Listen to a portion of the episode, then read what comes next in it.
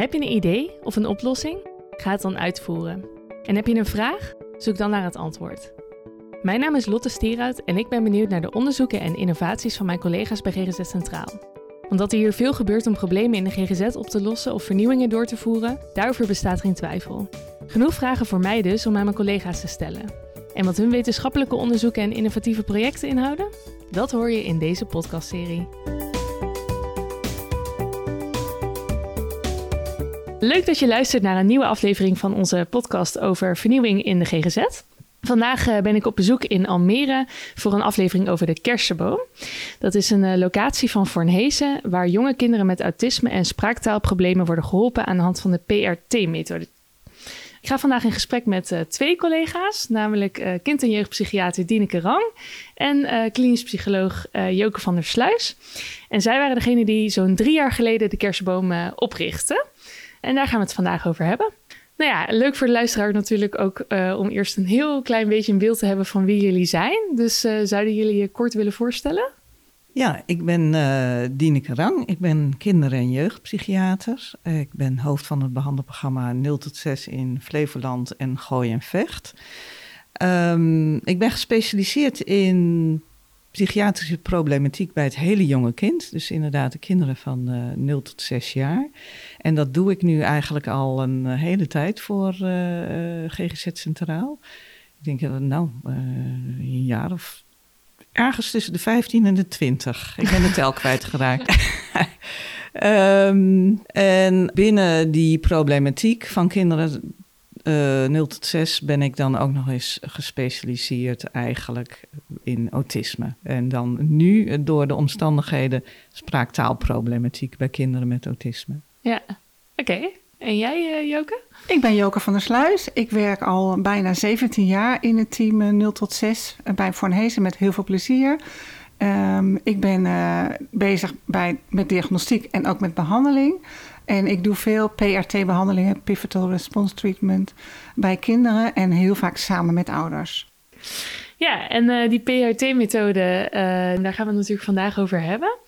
Kunnen jullie misschien eerst nou ja, kort vertellen aan de luisteraars wat, wat het inhoudt, wat jullie doen precies? Ja, Um, nou, we hebben een uh, aantal jaar geleden, ja, ik denk wel vier jaar geleden, dat we zijn begonnen met de voorbereidingen van deze groep omdat we merkten dat we heel veel vragen kregen van kinderen met autisme, waarbij de spraaktaalontwikkeling onvoldoende op gang kwam.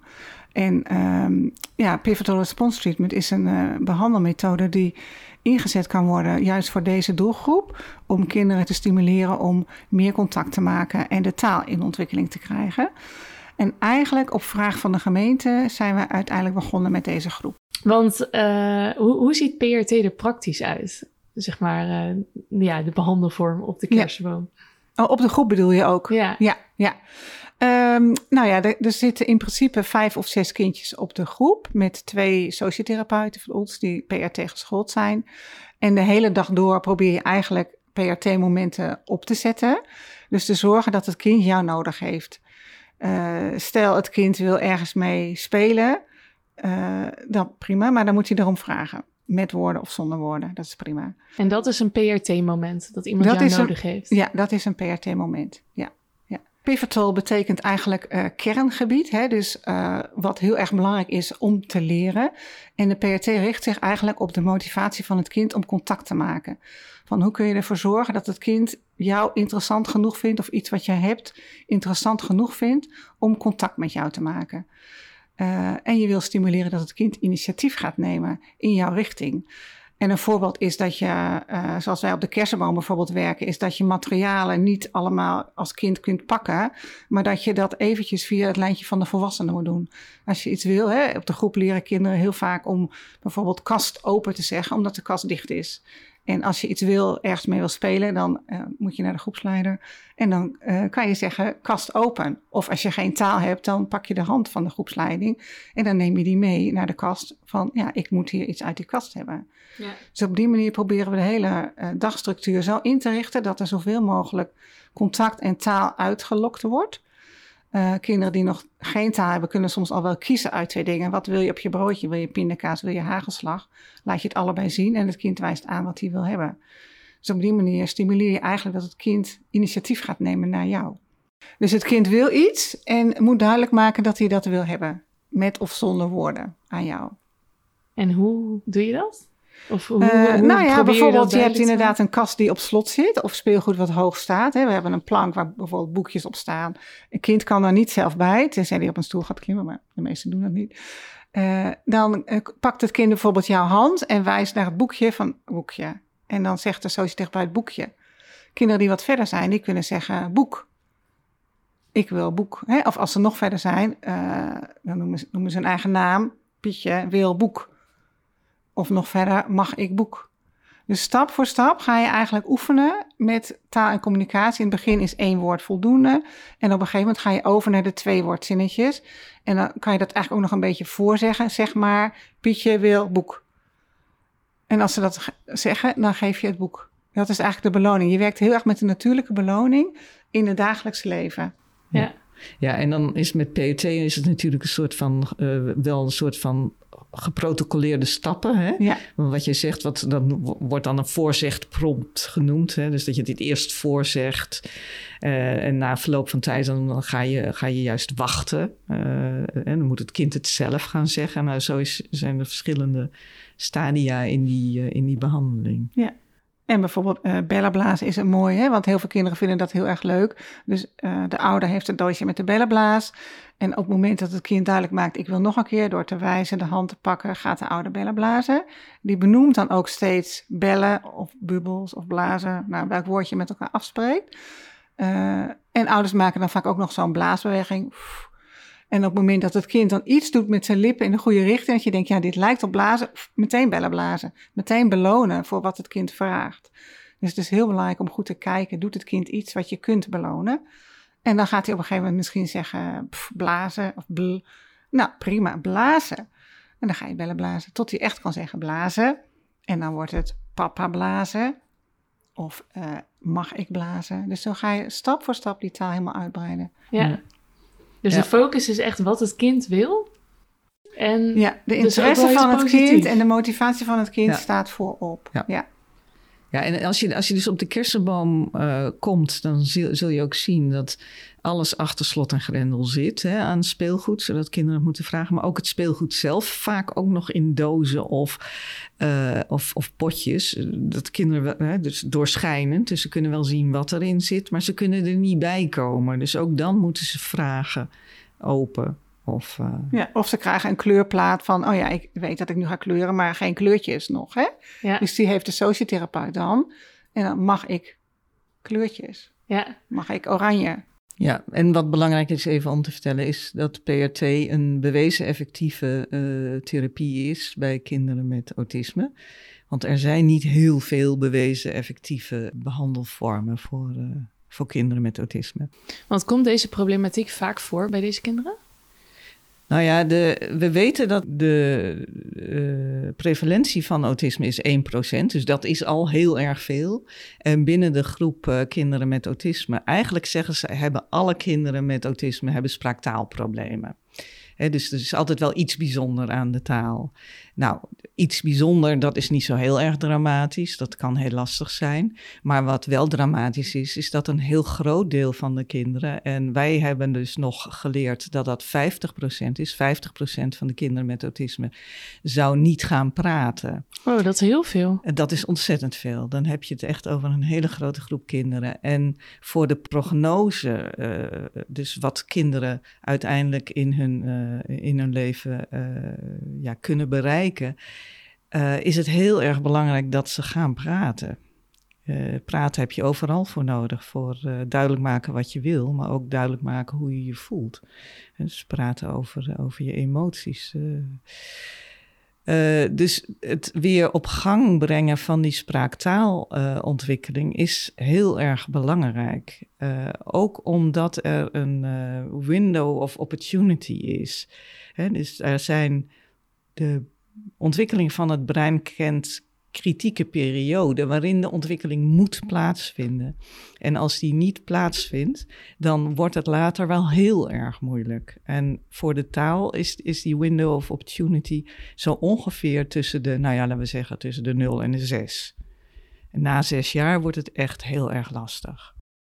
En dat geeft ook het belang aan van vroeg interventie, hè? vroeg diagnostiek en vroeg behandeling. Hoe eerder je erbij bent, hoe groter de kans dat je die taal op gang krijgt en hoe beter het perspectief voor het kind kan worden. Ja, want vanaf welke leeftijd helpen jullie kinderen bij de kerstboom?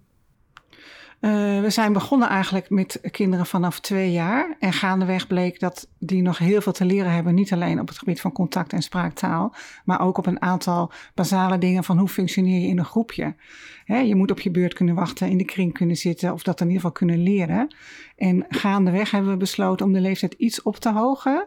Naar drie jaar. Omdat we merken dat we in een jaar mogen behandelen. We hebben een jaar tijd binnen de kerstboom om de kinderen te behandelen. En we willen wel een jaar hebben waarin een kind er goed van kan profiteren. Uh, dus daarom hebben we nu de aanvangsleeftijd iets opgehoogd naar drie. Klinkt alsnog heel erg jong. Ja, ja. is heel jong. Ja. ja. Want hebben die kinderen um, die jullie helpen allemaal, zeg maar, wel de diagnose autisme al? Ja, in principe wel. Ja, of soms een werkhypothese. Als we denken van, nou, we zijn niet helemaal zeker ervan. Of, of, als ouders nog niet toe zijn aan de diagnose, dan willen we dat ook nog wel eens doen. Hè? Dat we zeggen, oké, dan houden we een slag om de arm en dan noemen we het een werkhypothese. Omdat het wel duidelijk is wat er moet gebeuren. Hè? Welke therapie er ingezet moet worden. dat wij dat wel belangrijker vinden dan dat meteen de ouders accepteren dat het kind een klassificatie heeft. Want hoe kijken jullie aan tegen diagnosticeren op zo'n jonge leeftijd dan? Dat is niet heel gebruikelijk volgens mij, of wel? Nou, ik, ik weet niet zozeer of het niet heel gebruikelijk is. Ik denk dat er wel meer instellingen, GGZ-instellingen zijn met specialisatie uit jonge kind. Dus ik denk dat het wel degelijk vaker gebeurt. En ik denk uh, dat het wel heel goed is om op tijd daarbij te zijn. Hè? Zeker gezien het perspectief wat Dineke net vertelde. Als je niet goed tot ontwikkeling komt, niet leert praten, niet leert communiceren, heb je daar later ongelooflijk veel hinder van. En uh, we willen juist proberen die kinderen tot initiatief in contact te krijgen. Wat je vaak ziet gebeuren bij kinderen met autisme, is dat die ja, in hun eigen wereld een beetje leven, in hun eigen bubbel, uh, niet op een ander afsta afstappen om iets te delen of iets te vragen. En als je dat niet kunt in het latere leven, is dat natuurlijk heel onhandig en beperkt het ook je mogelijkheden in je latere leven. Ja. Maar wij merken natuurlijk wel met, uh, met onze verwijzers, dat die nog wel heel vaak denken dat het niet goed te doen is. Hè? Het stellen van de diagnose autisme spectrumstoornis voor het zesde levensjaar bijvoorbeeld. Nou wordt dat gelukkig wel minder, maar dat is nog wel een beetje een, een, een, een vrij gangbare mening buiten de psychiatrie. Hè? Ja, en we spreken vaak ouders die al op jonge leeftijd denken van er, er is iets met mijn kind, ik weet niet wat het is, maar er is iets. En de diagnose is natuurlijk verdrietig voor ouders en pijnlijk, maar het kan ook wel een soort van, ja, opluchting is misschien niet een goed woord, maar wel iets geven van, ja, ik begrijp het nou beter, ik kan het plaatsen en ik weet dat mijn kind extra zorg en extra hulp nodig heeft. Ja. En daar ga ik voor zorgen. Ja, ja het in de praktijk is het eigenlijk al rond het eerste levensjaar dat ouders denken van, hé, hey, er gaat hier iets mis. En, uh, en de diagnose autisme is op zich betrouwbaar te stellen, al met 18 maanden. Nou, dat is wel heel erg jong, dat hebben wij zelden aan de hand. Want bij ons is het denk ik, nou, gemiddeld tussen de twee en de drie jaar oud ja, dat wij dat denk ik ook, ja. erbij betrokken worden. Ja. ja. en je ziet vaak dat kindjes dan eerst naar de peuterspeelzaal gaan als ze twee jaar worden of tweeënhalf. En dat de peuterspeelzaal dan ook aan de bel gaat trekken. Hè? Van ja, het kind doet niet mee met activiteiten, zondert zich af. De taal komt niet op gang, kan geen werkjes doen. Uh, en ouders hebben dan ook al langer vaak het gevoel van uh, er is iets. En dan komen ze bij ons. Dus in die zin een opluchting ook zo van oké, okay, nu weet ik het. Uh, en, en ik kan er iets aan doen. doen. Hè? Ja. ja. En in die zin vind ik de PRT-methodiek ook een hele hoopvolle, omdat je ouders heel erg meeneemt in de aanpak. En ouders eigenlijk leert hoe kan jij je kind uitnodigen om contact met jou te maken. Hè? Je, je moet ervoor zorgen dat het kind jou nodig heeft. Uh, als je niks zou doen, dan ja, kan een kind ook helemaal tevreden zijn met een spelletje of met iets wat hij heeft. Maar je wil het kind juist uitnodigen, uitlokken om contact met jou te maken. En als dat lukt, is het ongelooflijk mooi. En zie je ouders die ook heel dankbaar zijn dat het kind uiteindelijk toch die stap gaat zetten. In het begin nog met weinig taal. Hè? En als die eerste woordjes komen, nou ja, hoe bijzonder is het als, als een kind voor het eerst mama gaat zeggen. Ja. En eigenlijk wilden we dat al veel langer uh, introduceren. Maar het is heel fijn dat het nu drie, jaar, drie, vier jaar geleden dat we daar mee hebben kunnen starten. Ja, en inmiddels hebben we ook een, een team met heel veel mensen die PRT opgeleid zijn. Ik geloof dat we er wel elf in ons team hebben. En eigenlijk is het nog steeds niet genoeg, want we hebben nog steeds een wachtlijst voor de PRT-behandeling. Oh joh. Ja. Terwijl, uh, terwijl je eigenlijk uh, net ook vertelde, je wil zo vroeg mogelijk beginnen ja, natuurlijk. klopt. Ja. Ja. ja, en de kersenboom heeft natuurlijk een maximum aantal kindjes wat je kunt plaatsen. En als uh, de kinderen allemaal net gestart zijn, als je ervan uitgaat de behandeling duurt ongeveer een jaar of korter, hè, als je eerder denkt van nou het kind en ouders kunnen zelf verder. Uh, als het vol is, dan moet je dus weer als volgend kind, moet je misschien wel drie kwart jaar wachten voordat er weer een plekje is. Dus daarom zijn we intussen ook al met een tweede groep gestart, afgelopen september. Hè, dus we hebben nu twee groepen. En nog steeds uh, ja, kan het moment zijn dat er een wachtlijst is.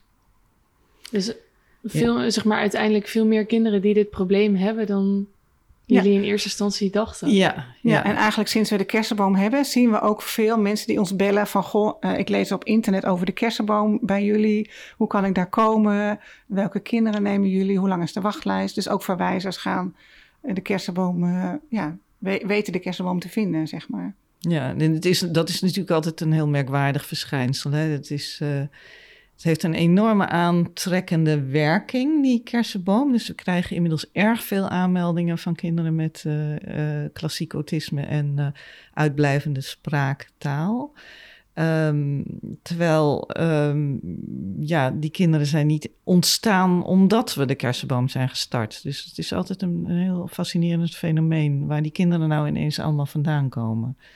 Ja, en hoe zij eerder ook werden geholpen dan? Ja, ja. Ja, nou, we weten wel van uh, eerder. Uh, kijk, als je geen aanbod hebt, dan komen de kinderen ook niet bij je. Nee. Dus dan, uh, dan zullen die kinderen waarschijnlijk op een dagbestedingsgroep hebben gezeten. En daar is eigenlijk weinig onderzoek naar, naar hoe die, waar, die, waar die kinderen zijn gebleven, nou ja, jaren geleden, zullen we zeggen. Ja, zeker omdat je zei dat zo'n 50% van de kinderen uh, deze problematiek heeft. Dus uh, in die zin ook niet raar dat het zo'n grote groep is. Nee. En de doelgroep die wij zien is ook vrij divers. Hè? Er zijn kinderen bij die nog helemaal geen taal hebben. Maar er zijn ook kinderen die bijvoorbeeld al uh, tot 100 kunnen tellen. Of het hele alfabet kennen en achterstevoren en tot 20 in het Russisch of het Chinees kunnen tellen of zo. Hè? Dus dan is er wel taal, maar een andere taal dan die belangrijk is voor de communicatie met andere mensen. Goh, dat dat kan. Dat iemand dan wel een andere taal kan spreken. Ja, en ze leren veel van de iPad ook, hè? Uh, dus heel veel kinderen die, die kijken allerlei filmpjes en daar leren ze ongelooflijk veel van. Ze kunnen de kleuren, het alfabet tellen. Uh, dus in die zin is een, is een iPad ook heel helpend als het niet te veel is uh, op een dag. Ja, ja dat, maar dat is op zich is dat ook wel een grappig fenomeen wat we merken van de autistische kinderen die we nu binnenkrijgen. Dat die de neiging hebben om vooral Engels te praten terwijl hun ouders gewoon Nederlands zijn. Dus, uh, dus ze leren makkelijker van een machine blijkbaar dan van een ander mens. Omdat dat contact maken er misschien ook bij zit. Ja. Jullie noemden al een, een paar keer van joh, ongeveer vier jaar geleden gestart. En uh, dus wel echt een uh, succes met, met de uitgebreidere behandelgroepen. Hoe ging dat, het starten van deze nieuwe behandelgroep? Ja, eigenlijk hadden wij al langer het idee van... goh, zouden we niet een groepsbehandeling moeten opstarten... voor het jonge kind in Almere vanuit de psychiatrie... Um, en op een gegeven moment kwam de vraag vanuit de gemeente van er gaan veel kindjes met autisme voor een behandeling op een groep buiten de regio. En dat willen we eigenlijk liever niet. Kinderen die zitten dan lang in een taxi, die moeten er naartoe. En uh, we hebben dat niet in Almere specifiek. Dus zouden jullie daar niet iets in kunnen betekenen? En toen hebben wij daar heel kort over nagedacht eigenlijk. En meteen bedacht van, ja, dat lijkt ons een heel goed idee. Omdat we zelf ook al een beetje zo die gedachte hadden van, eigenlijk zou je daar iets mee moeten. En um, ja, dan komt er heel veel natuurlijk bij kijken. Hè. De gemeente had in principe al gezegd, willen jullie dat doen? Dus de financiering was ook niet een heel groot probleem daarna. Maar hoe kom je aan een ruimte? Waar ga je het doen? Hoe kom je aan personeel? Dus het, het heeft een heel traject wel geduurd voordat we dat allemaal uh, konden opstarten. Uiteindelijk ongeveer een jaar, denk ik. Je hebt een ruimte, maar die moet geschikt gemaakt worden voor deze groep. Personeel uh, moet getraind personeel worden. Personeel moet geworven en getraind worden. Uh, je kan ook niet zeggen, nou hier heb je een groep, doe maar wat leuks. Je moet een beetje een inwerkprogramma bedenken, een introductie. De opleiding is inderdaad belangrijk. Uh, mensen moeten videofilmpjes maken tijdens de opleiding. En je moet dus ook kinderen hebben waarmee je kunt oefenen. Um, ja, de wachtlijst was eigenlijk helemaal geen probleem. Die hadden we eigenlijk al voordat deze groep überhaupt bestond. Dus dat was het probleem niet. En uh, ja, uiteindelijk zijn we op datum X uh, ongeveer drie jaar geleden gestart. en dan krijg je dus uh, vijf nieuwe kindjes bij elkaar die elkaar niet kennen. En sociotherapeuten die ook een beetje aan elkaar nog moeten wennen. Hè? Dus het was best wel zoeken natuurlijk in het begin. Hoe doe je dat? Maar uiteindelijk is het wel gelukt om daar een mooie ja, dagstructuur neer te zetten. Waar de kinderen ook weten van nu gaat dit gebeuren, zometeen gaat dat gebeuren. En uh, lukt het ook heel mooi om kinderen uit te nodigen om contact met jou te maken. Waardoor we eigenlijk ook wel uh, een aantal mooie succesverhalen hebben van kinderen die zonder taal binnenkomen en dan toch met taal uh, de deur uitgaan. Kindjes waarvan ouders zeggen, nou ik had nooit gedacht dat die überhaupt naar een vorm van onderwijs zou kunnen, die toch naar school konden gaan. En dan heb je het niet over regulier onderwijs, hè, maar wel over speciaal onderwijs of speciaal basisonderwijs. Ja. Uh, en dat is natuurlijk wel heel mooi als je dat voor elkaar krijgt in een jaar tijd. Zeker. En het was het ook heel leuk om te zien met de eerste groep dat we starten. Dan heb je dus vijf kinderen bij elkaar die helemaal niets met elkaar doen. En dat is heel apart om te zien. Hè? Kinderen doen altijd iets met elkaar. Maar dan heb je vijf kinderen die om elkaar heen draaien als planeten. Hè? Wiens banen elkaar niet kruisen. En dan uh, na, na verloop van tijd, dan zie je dat de kinderen uh, contact gaan maken met elkaar. En, uh, en, en, en, nou ja, en met de groepsleiding. Dus het is heel leuk om te zien. Ja, en nu zie je ze dan, de een zit voor op de fiets en de ander zit achter op de fiets. ja, ze zitten samen te spelen. En dat is natuurlijk wel heel mooi als je dat voor elkaar krijgt. Ja, dus dan zie je in die zin ook wel echt dat de methode werkt. Ja. Dat, dat ze echt leren van, ja. oké, okay, ik heb de ander nodig voor ja. dingen. Ja. Ja. Ja. ja. En je noemde al een paar keer de ouders uh, van de kinderen. Hoe worden die bij de behandeling betrokken? Nou ja, um, jij kan daar meer over vertellen, maar ik wou eventjes wel benadrukken dat wat, wat heel belangrijk is uh, van behandeling, dat je behandeling niet alleen doet in een hulpverleningssituatie. Want dat betekent nou een uurtje in de week, of zoals met de kersenboom, nou dat is dan leuk, dat is dan een aantal dagdelen in de week. Um, maar dat moet natuurlijk eigenlijk 24/7 moet een behandeling plaatsvinden om echt goed effectief te zijn. En uh, daarom is het belangrijk dat niet alleen wij die PRT kunnen toepassen, maar dat die ouders dat ook kunnen toepassen. Dus ouders die worden uh, heel erg intensief eigenlijk bij die PRT betrokken. Zeker in de beginfase van de behandeling. Ja, je hebt het heel mooi gezegd eigenlijk. ja. Want hoe betrekken jullie ouders dan? Nou ja, je doet het echt samen met ouders. Hè. We noemen het ook een ouder-kindbehandeling, omdat je echt samen met de ouder aan de slag gaat. En eigenlijk probeer je als PRT-behandelaar de ouder te leren hoe je dat nou kan doen. Uh, want het risico is er natuurlijk dat als een kind geen contact met jou maakt of je krijgt weinig terug, dat de ouders dan ook het een beetje gaan opgeven eigenlijk. Hè? Zo van ja, werkt toch niet. En wat je in de PRT ziet gebeuren is dat je uh, ouders ook weer, weer hoop geeft van er, er kan iets. Hè? Als je ziet dat je kind meer contact met jou gaat maken, je meer gaat opzoeken. Uh, ja, dat, dat ouders ook het idee krijgen, wij kunnen zelf iets doen. Dus dat maakt ze minder machteloos. En dat is denk ik ook heel belangrijk. Ouders krijgen de technieken aangeleerd van de behandelaar. Uh, stap voor stap, hè, van waar zit jouw kind en wat is nu het beste om te doen? Hoe kan je het beste aansluiten bij je kind? Ouders leren heel erg om de interesse van het kind te volgen. Want als je een werkje of een taakje gaat doen wat het kind niet leuk vindt, nou, dan kan je bijna zeker weten dat het kind geen contact met jou gaat maken. Ja. Dus zoek dingen op die, die het kind heel erg leuk vindt om te doen. En kijk of je dan uh, momentjes hebt waarop je met elkaar in contact kan komen. En dus een ouder-kind, zeg maar, behandeling, heb je die dan naast de groepsbehandeling ja. van de kerstboom? Ja. Dus op de groep komt een kind in een PRT-bad, zo gezegd. Hè? Ja. En daarnaast leren ouders de technieken ook, zodat het thuis ook doorgaat. En ouders ook thuis gaan oefenen. Ja. En uh, ja, met hun kind aan de slag gaan. Dus als het kind uh, water wil en de, de ouder meetrekt naar de keuken, hè, dan begint de ouder met steeds te benoemen water, water, water, één woord. Uh, en dan hoop je dat het kind zover komt dat hij die taak gaat overnemen en op een gegeven moment ook water gaat zeggen. Of wa misschien in het begin, hè? als de taal nog niet zo goed is. En dan geef je het kind water. zeg je nog een keer, ja, water. Nou, en zo heel erg stap voor stap ga je dat uh, woord voor woord bijna intrainen. En de ervaring leert als het kwartje één keer valt, dat, dat een kind het eerste woordje zegt, dat de woordjes daarna vaak wel sneller komen. Zo van, oh wacht, dit kan ik gebruiken om te krijgen wat ik wil. Ja. En het begint vaak met het herhalen van taal en uiteindelijk uh, gaan ze ergens om vragen. En wachten is, is een hele mooie methode. Hè? Dus een kind wil iets heel graag hebben. Ik heb het in mijn hand, een beker water. Uh, en dan wacht je tot het kind iets gaat doen. En in het begin is rijken goed. Als je geen taal hebt, ja, dan kan je op een andere manier communiceren. Dat is prima. En dan krijg je je water en de ouder benoemt water. En uiteindelijk, als het kind water uh, kan zeggen, dan ga je wachten tot hij water zegt. Ja, ja. en dat is heel belangrijk, hè, omdat de ouders uh, van kinderen met autisme, die begrijpen hun kinderen vaak heel erg goed. Waardoor de motivatie bij de kinderen om te gaan praten ook veel minder is. Want als je uh, boos wordt en moeder weet dan meteen, oh hij wil naar buiten, dan ga je ook niet uh, leren zeggen, mama ik wil naar buiten dat, uh, dus, dus we leren ouders echt om wat terughoudender te zijn met dat begrip. Hè?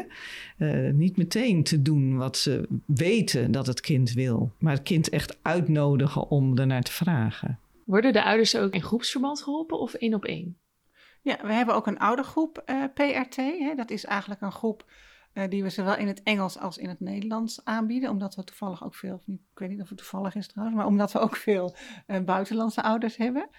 Uh, waarbij ouders um, ja, online met elkaar ervaringen en tips kunnen uitwisselen over de PET-technieken. Maar ook wel over andere onderwerpen. We zien vaak kinderen met slaapproblemen, eetproblemen, lastig gedrag. Hoe ga je daarmee om? En um, we hebben in de groep ook een ervaringsdeskundige. Dat is een moeder die bij ons in zorg is geweest met haar zoontje met autisme. En zij heeft een hele ja, praktische, waardevolle inbreng voor ouders die echt een meerwaarde heeft omdat ouders uh, ja, vanuit haar ervaring kunnen meevoelen. Hè? Zij heeft in hetzelfde schuitje gezeten als de ouders nu. Ja. zit er nog steeds in eigenlijk. En kan vanuit haar ervaring heel mooi dingen verwoorden. En uh, ja, ouders ook op een andere gedachte zetten. Van, god, probeer je kind te begrijpen. Waar heeft het gedrag mee te maken? Probeer erachter te kijken. En vanuit een hele warme, liefdevolle benadering uh, naar je kind kijken. Dat is best wel bijzonder, of niet? Dat in kind- en jeugdpsychiatrie een ervaringsdeskundige is. Nou, binnen Fornezen zijn wij volgens mij in ieder geval de eerste. Buiten Fornezen weet ik het eigenlijk niet zo goed. Maar ik denk dat het nog niet heel, uh, heel gebruikelijk is. Maar we hebben daar geen onderzoek naar gedaan. Nee. dus ik weet het niet. Geen exacte cijfers voor nee, nee, maar wij zijn in ieder geval heel erg blij met haar inbreng. En uh, de andere ouders ook. Hè. Vaak vragen we na afloop van de groep van... Goh, wat neem je nou mee naar huis? En dan is het heel vaak iets wat zij heeft gezegd. Of een tip van haar. Of, uh, ja. Ja, kan ik me voorstellen. En je noemde net ook al even een Engelse groep. Hoe zit dat sowieso met meertaligheid uh, bij kinderen? Want nou ja, de doelgroep in Almere is denk ik wel vaak uh, tweetalig, misschien zelfs drietalig. Ja. Hoe, hoe zit dat bij het aanleren van taal bij, bij het kind? Ja, het is natuurlijk altijd makkelijker om één taal aan te leren dan twee, denk ik. Hè? En zeker bij een kind met autisme. Um, en ja, wat we dan in de PRT doen, hè, we stemmen dat wel af met ouders. Van ja, gaan we je kind Nederlandse woordjes leren of gaan we je kind woordjes leren in de taal van jullie? Ja, ik spreek geen uh, Indiase taal of geen, uh, nou, noem nog eens iets, uh, Turks. Maar wel Nederlands. Hè? Dus vaak kiezen we dan wel voor een soort combi, hè? omdat kinderen ook wel Nederlands moeten leren als ouders hier blijven. En de meeste ouders willen in Nederland blijven. Dus dan is het ook belangrijk dat zij zelf de taal gaan leren, maar dat ook met het kind in het Nederlands gecommuniceerd wordt. Ja. En in de groep is de voertaal Nederlands. Maar ja, als het nodig is, kunnen we ook in Engels iets aan een kind uitleggen. Zeker als een kind net nieuw is. Hè? Gaandeweg merk je dat de kindjes wel de, de Nederlandse woordjes en de liedjes op gaan pikken. En het begrijpen, maar soms niet. En dan doen we het in allebei de talen of in het Engels. Dus het is een combi.